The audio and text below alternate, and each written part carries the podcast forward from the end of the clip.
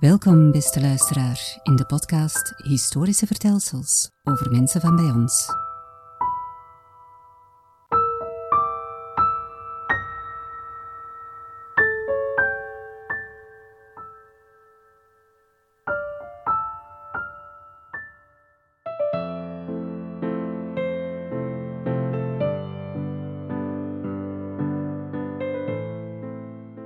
Israël Neumann, een Poolse immigrant in België.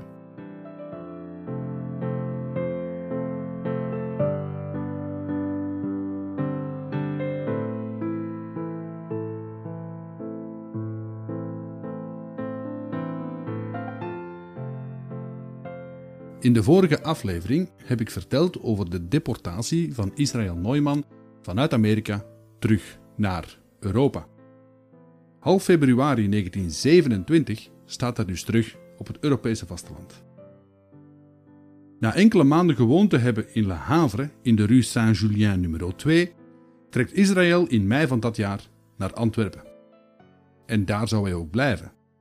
Op 13 mei kan hij zijn kamertje in de Lange Kiewietstraat intrekken.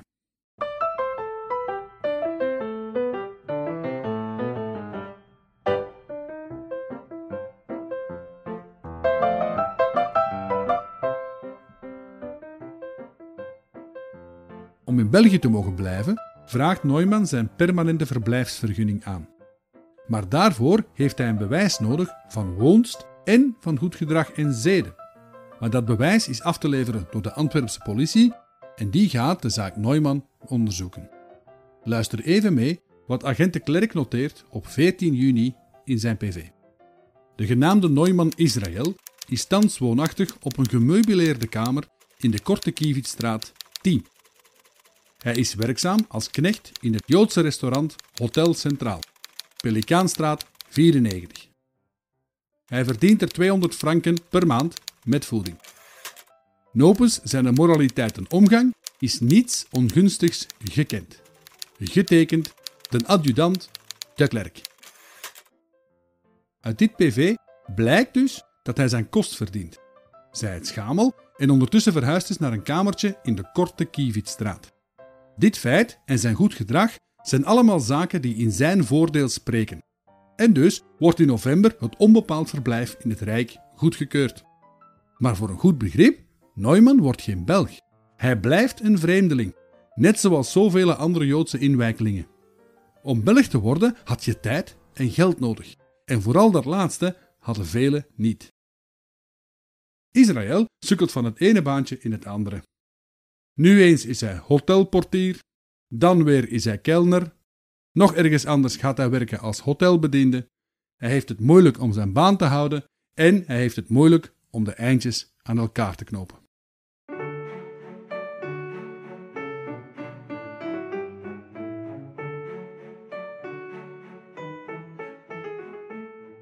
Op een dag in 1929 doet Israël zichzelf een cadeautje.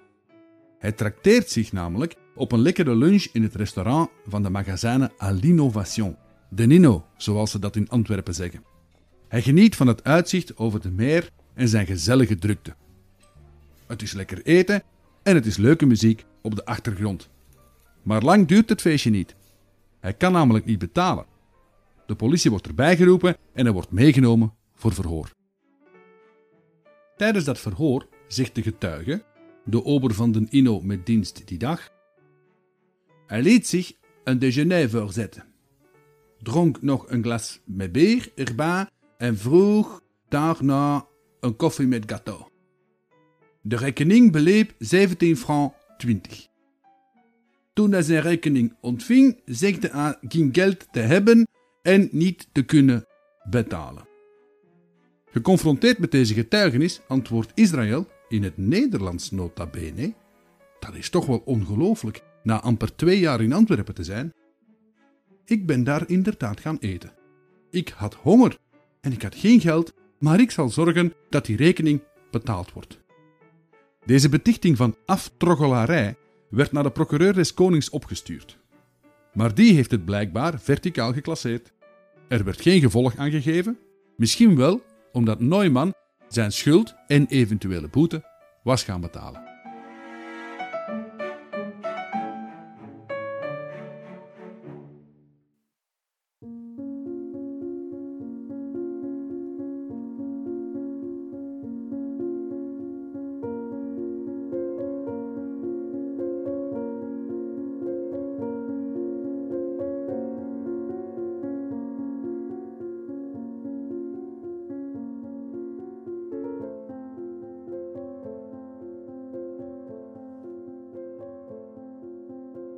Iets wat onschuldig voorval toont aan in welke precaire financiële toestand Neumann op dat moment zit.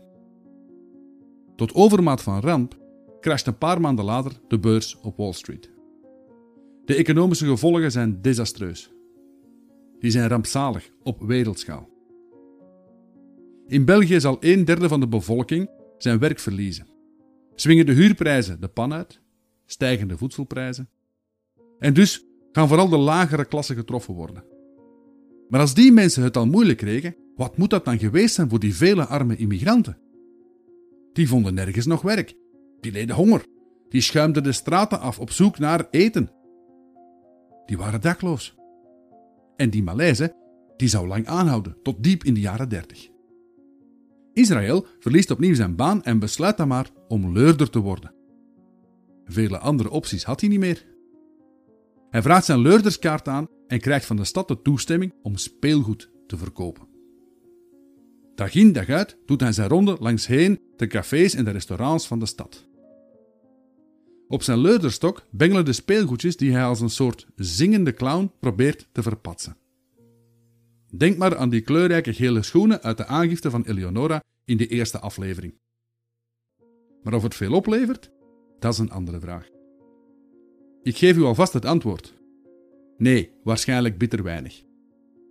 Hij betaalt dan wel netjes zijn belastingen, zo blijkt uit zijn aangifte, maar in maart 1940, net voor het uitbreken van de Tweede Wereldoorlog, wordt hij gearresteerd wegens het overtreden van de regels op de leurhandel.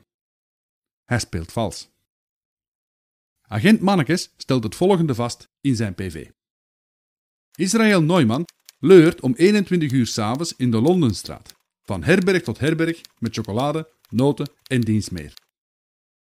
Dit terwijl hij met zijn leurderskaart enkel speelgoed mag verkopen. Neumann verklaart in het Vlaams, alweer, ik ben niet in orde, maar ik wist niet dat ik enkel met speelgoed mocht leuren. Ik zal mij snel in orde gaan maken. Getekend, wijkagent Mannekes. Nu, ik heb hier het vermoeden dat onze Israël zich hier echt van de domme houdt. Na tien jaar leuren wist hij natuurlijk dat hij dat niet mocht. Hij schachert en hij loopt in al die jaren blijkbaar maar één keer tegen de lamp. Hij is volgens mij een krak in de simpele van geest spelen. Als het hem uitkomt, weet hij van niks. En hij speelt zijn rol met brio. S'avonds mag Israël het politiekantoor alweer verlaten en keert hij huiswaarts. Ditmaal is hij er nog makkelijk van afgekomen. Maar dat zou weldra niet meer het geval zijn.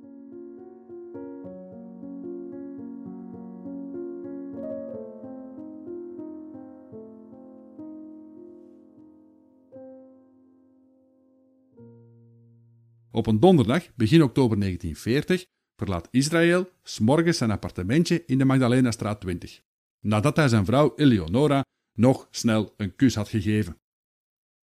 Israël is met Eleonora getrouwd tussen 1936 en 1939, maar daar heb ik voorlopig geen extra informatie over. Het is die dag typisch herfstweer in Antwerpen. Een graad of tien, een waterzonnetje en er waait een matige zuidoostenwind. Wanneer Israël de deur achter zich toetrekt, zet hij zijn kraag van zijn lichte overjas toch maar even wat rechter. Het is fris. Hij valt op door zijn gele schoenen. Hij schoudert zijn leuderstok vol met speelgoed en hopend op een goede verkoopsdag wandelt hij, zoals steeds, de Magdalena-straat uit in de richting van het Centraal Station en het Astridplein.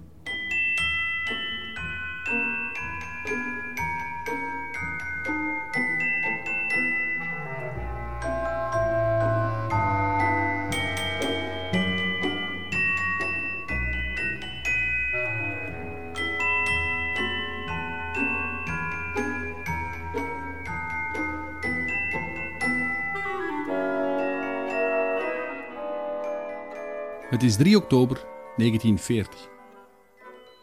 Zoals elke dag doet Israël zijn ronde als de baars en de cafés van de Antwerpse stationsbuurt. Het is al donker wanneer hij weer naar huis wandelt. Hij voelt dat er iemand achter hem meeloopt.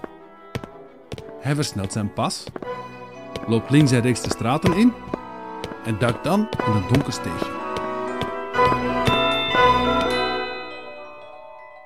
Plots roept er een luide stem: Halt! Steen blijven! Israël blijft als verstijfd staan. Twee mannen staan voor hem. Papier bitte! Hij grabbelt in zijn vestzak naar zijn paspoort en overhandigt het aan de Duitse man die hem net had tegengehouden. Israël weet het nog niet op dat moment, maar hij zit in vieze papieren. Letterlijk, in hele vieze papieren. De Duitse geheime veldpolitie heeft hem net aangehouden. De reden waarom is niet gekend, maar er wordt gefluisterd dat hij iets anti-Duits zou hebben gezegd of geroepen tijdens zijn ronde. En als dat waar zou zijn, dan is dat gelijk aan de verstoring van de openbare orde, waar de veldpolitie voor bevoegd was. Misschien heeft Israël nog geprobeerd zich uit zijn benarde situatie te praten. Dat was hem voorheen meermaals gelukt. En hij sprak een aardig mondje Duits, dat weten we van de vorige keer. Maar als anti-Duitse Joodse oproerkraaier zal dat wel te vergeefs geweest zijn. Hij wordt meegenomen naar de orts- of veldcommandatuur op de Meer voor verder verhoor. Helaas heb ik hiervan geen documenten kunnen terugvinden. Maar ja, dit is hier de geheime politie en die werkt in het geheim en laat geen sporen na. Sanderendaags wordt hij overgebracht, samen met nog enkele andere lotgenoten, naar een plaats op een kilometer of twintig ten zuiden van Antwerpen. Een plaats waar Israël nog nooit van gehoord heeft. Het is het net geopende SS-auffanglager Breendonk. We zijn 4 oktober 1940.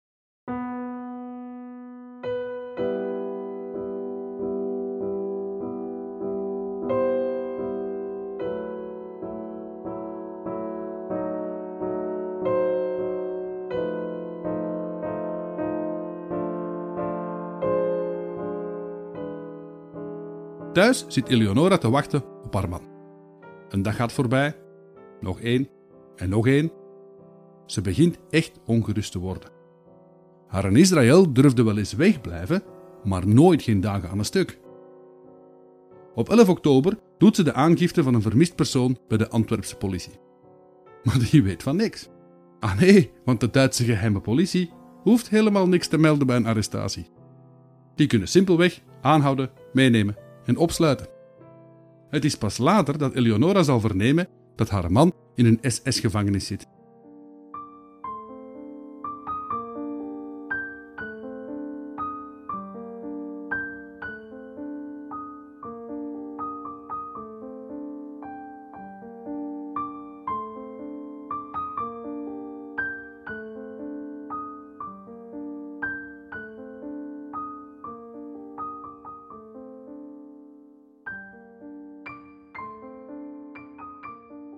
Breendonk was geen echt concentratiekamp naar de letter. Wel een gevangenis van de SS en meer bepaald van de beruchte Zippo-SD, de Sicherheitspolizei Sicherheidsdienst van SS-leider Heinrich Himmler. Misschien zegt u dit niet zoveel, maar als ik dan zeg dat de Gestapo, de geheime staatspolizei, er een onderdeel van was, dan doet dit misschien wel bij u een belletje rinkelen. Diezelfde Zippo-SD had zich in juli 1940, twee maanden in de bezetting, op de Louisa-laan in Brussel geïnstalleerd. En net zoals in Duitsland gaat ze jacht maken op Joden, op communisten en later op verzetslui op het Belgisch grondgebied. De orders komen rechtstreeks van het SS-hoofdkwartier in Berlijn.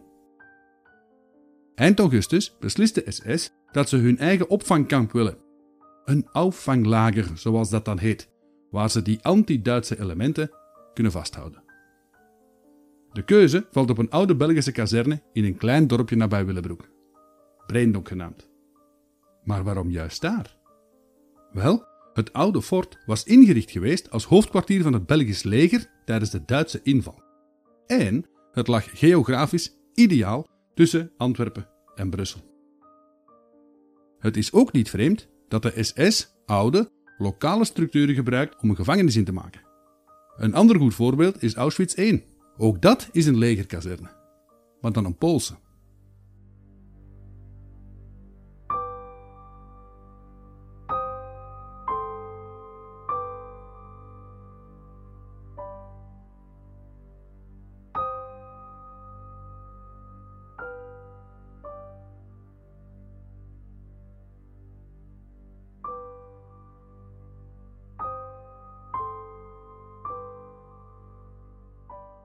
Kamp wordt geleid door SS-Sturmbannführer Philipp Schmidt. Sturmbannführer is een major in de SS. Hij is een lange, reizige SS'er van het eerste uur. Een man met echte nazi-principes. Wanneer hij in het kamp is, is hij meestal vergezeld van zijn Mechelse herder Lump. Wat zoveel betekent als bandiet. Nu, die naam van die hond laat alvast niet veel goeds vermoeden. De dagelijkse leiding is in handen van SS-Untersturmführer Arthur Praus, de onderluitenant. Hij is klein, niet van de magerste, maar berensterk en heeft klosse vuisten. Hij is verantwoordelijk voor de gevangenen en hij is het brein achter de lijfstraffen en de ontmenselijking in het kamp. Hij ging heel prat op zijn ervaring in de Duitse kampen. Hij zou het regime van die kampen in Breendonk met ijzeren vuist opleggen aan de gevangenen. Verder werken er nog enkele Duitse SS-officieren in het kamp en loopt de Weermacht er wacht.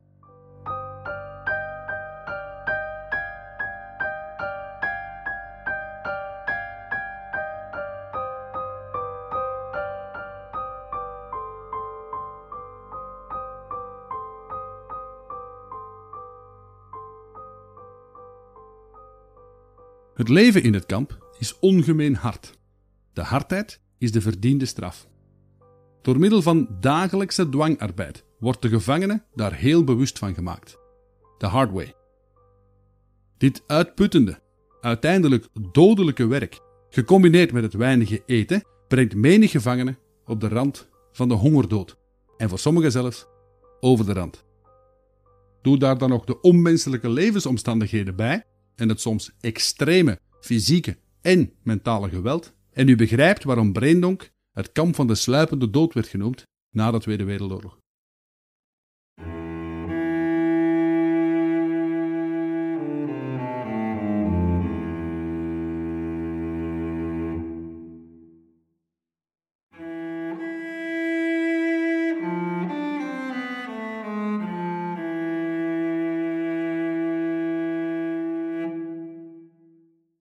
Het kamp van de sluipende dood.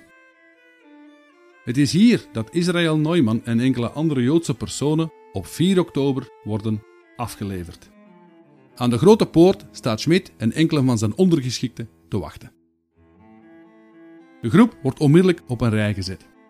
De commandant, met de handen op de rug, loopt langs de rij en bekijkt hen één voor één met zijn sinistere, donkere, zelfs angstaanjagende ogen. Die blik van Schmidt. Om in je broek te doen, getuigt de gevangene na de oorlog. Onze kleine Israël, misschien maar een meter vijftig groot, tegenover die grote reus van bijna twee meter. Ik denk dat hij toen moet gedacht hebben: Moeder, ik hoop dat ik hier levend uitkom. Na wat Duitse instructies over het kampleven brult de wacht van dienst: Häftlingen, hebben Sie die Regeln verstanden? Ja? Goed, Jetzt rein in Laufschritt, snel! Israël en zijn kompanen zetten het op een lopen. Recht die donkere, ijzingwekkende gang van het fort in. Als u er ooit al eens geweest bent, beste luisteraar, dan weet u wat ik bedoel.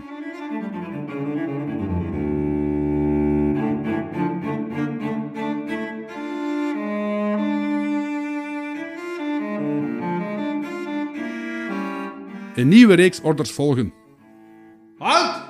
Gegen die Wand! Schnell! Nase gegen die Mauer und keine Bewegung! Met de neus tegen die kille betonmuur. Armen in de lucht. Een bewaker achter je en elke beweging levert een slag op tegen je achterhoofd. En dan begint het wachten. Het bang afwachten van wat er komen gaat. Na enige tijd hoort Israël zijn naam afroepen. Neumann, eintreten! Gelukkig begrijpt hij behoorlijk goed Duits en moet het bevel niet herhaald worden. Hij wordt binnengeroepen in een kamer vooraan in de tunnel. Aan de tafel daar zit een Duitse medewerker van de ZIPO-SD. Hij kijkt streng en hij zegt op bevelende toon: Papieren, documenten, alles wat Sie in Ihren Tasche haben, auf den Tisch. Und schnell. Israël moet alles afgeven en op de tafel voor hem leggen. Zijn paspoort, het paspoort van zijn vrouw, dat had hij op zak, weet u nog? Zijn rantsoenkaart, zijn kaart van de openbare onderstand en wat klein geld van zijn laatste ronde. Namen. Uh, Neumann, mijn heer. Oberscharführer, snaut der Duitser. Herr Oberscharführer ist das für dich. Vorname. Israel, Herr Oberscharführer. Hm. Jude? Jawohl, Herr Unter. Ja, ja, schon gut. Adresse. Äh, Magdalena Straat 20, mein Herr. Beruf? Äh, Straßenverkäufer, mein Herr. Straßenverkäufer. Natuurlijk. Typischer jüdischer Beruf. En zo gaat de inschrijving nog wel even door. Alles wordt netjes genoteerd. Op een papiertje schrijft de SS'er een nummer. Een volgnummer. In een flits ziet Israël dat het 22 is. Hij is de 22e gevangene van Breendonk. Hij krijgt het papiertje toegestopt. Dan snauwt de onderofficier. Und jetzt raus! Schnell, verschwinden Sie! Wanneer Neumann weer buiten in de gang tegen de muur staat, gaan al zijn bezittingen in een grote bruine enveloppe. Alles wordt bijgehouden en bij het verlaten van het kamp krijgt de eigenaar het weer terug. Nächste! wordt er vanuit het kamertje geroepen. Eén voor één worden de nieuwe gevangenen ingeschreven. En als iedereen klaar is, horen ze plots: Aantreden en mitkammen! Ze lopen achter een bewaker aan, verder die donkere gang in. Op het einde gaan ze links een deur binnen. En plots staan ze in de kleermakerij van het kamp.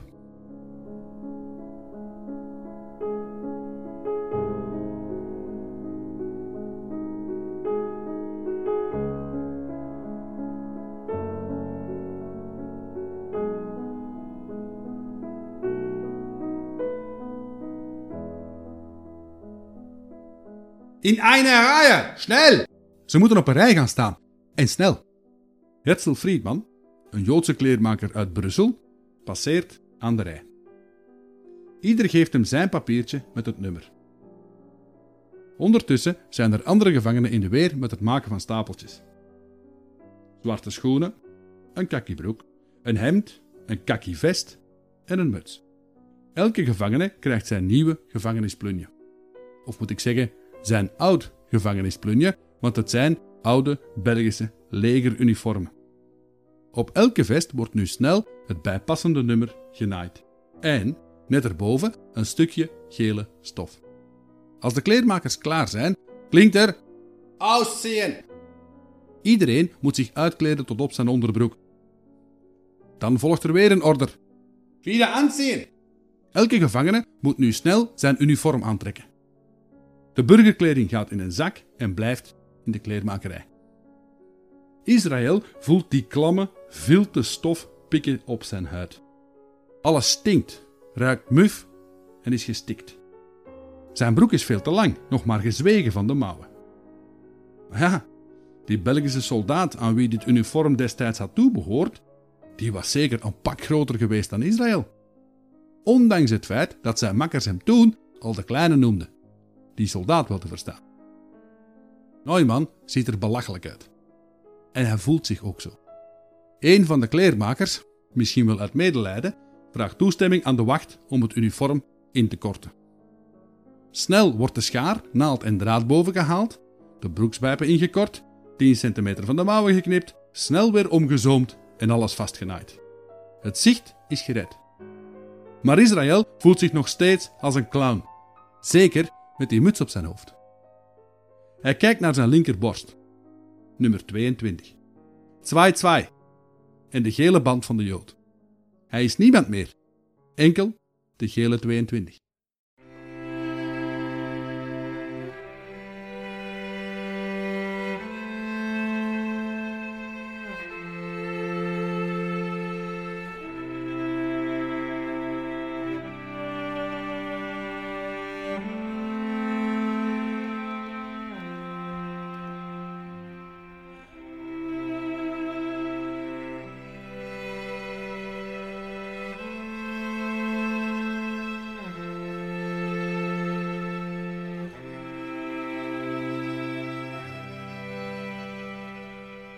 Eens weer buiten worden ze naar een paar stoelen geleid die op de binnenplaats staan.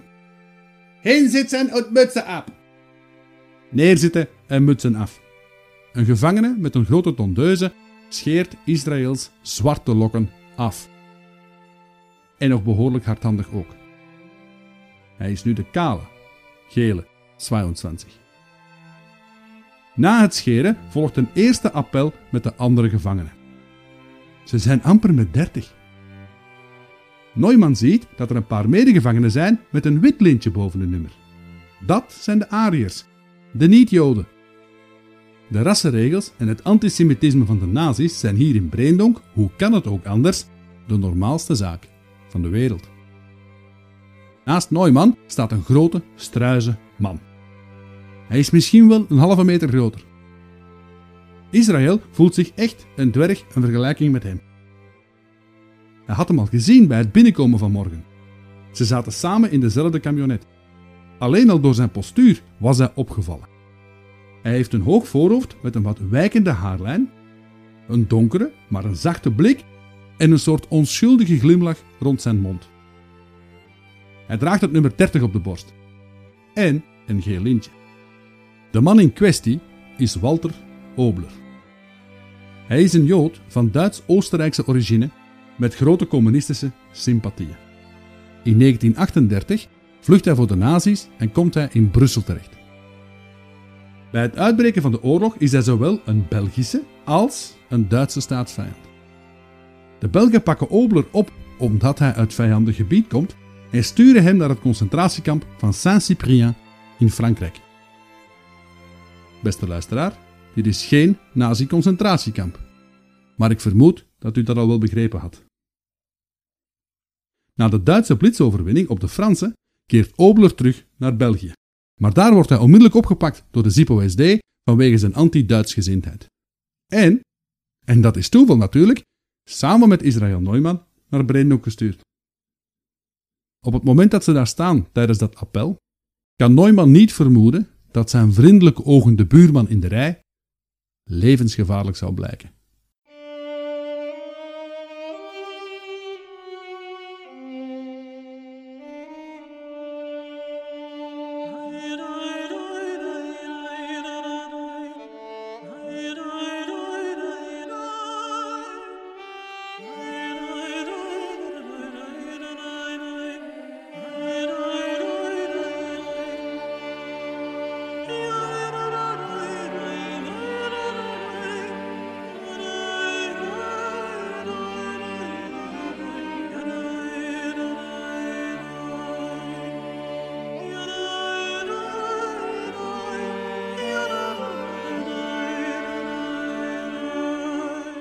Dit is het einde van de tweede aflevering van drie over het leven van Israël Neumann.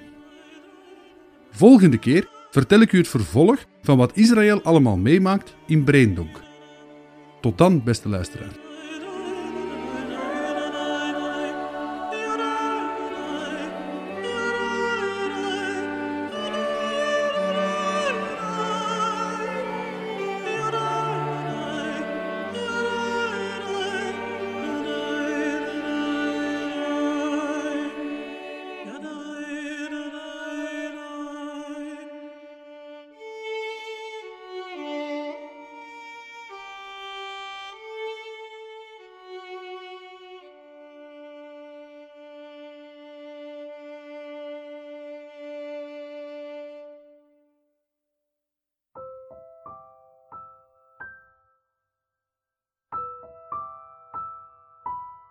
Dit was een podcast, geschreven en verteld door Gids 53.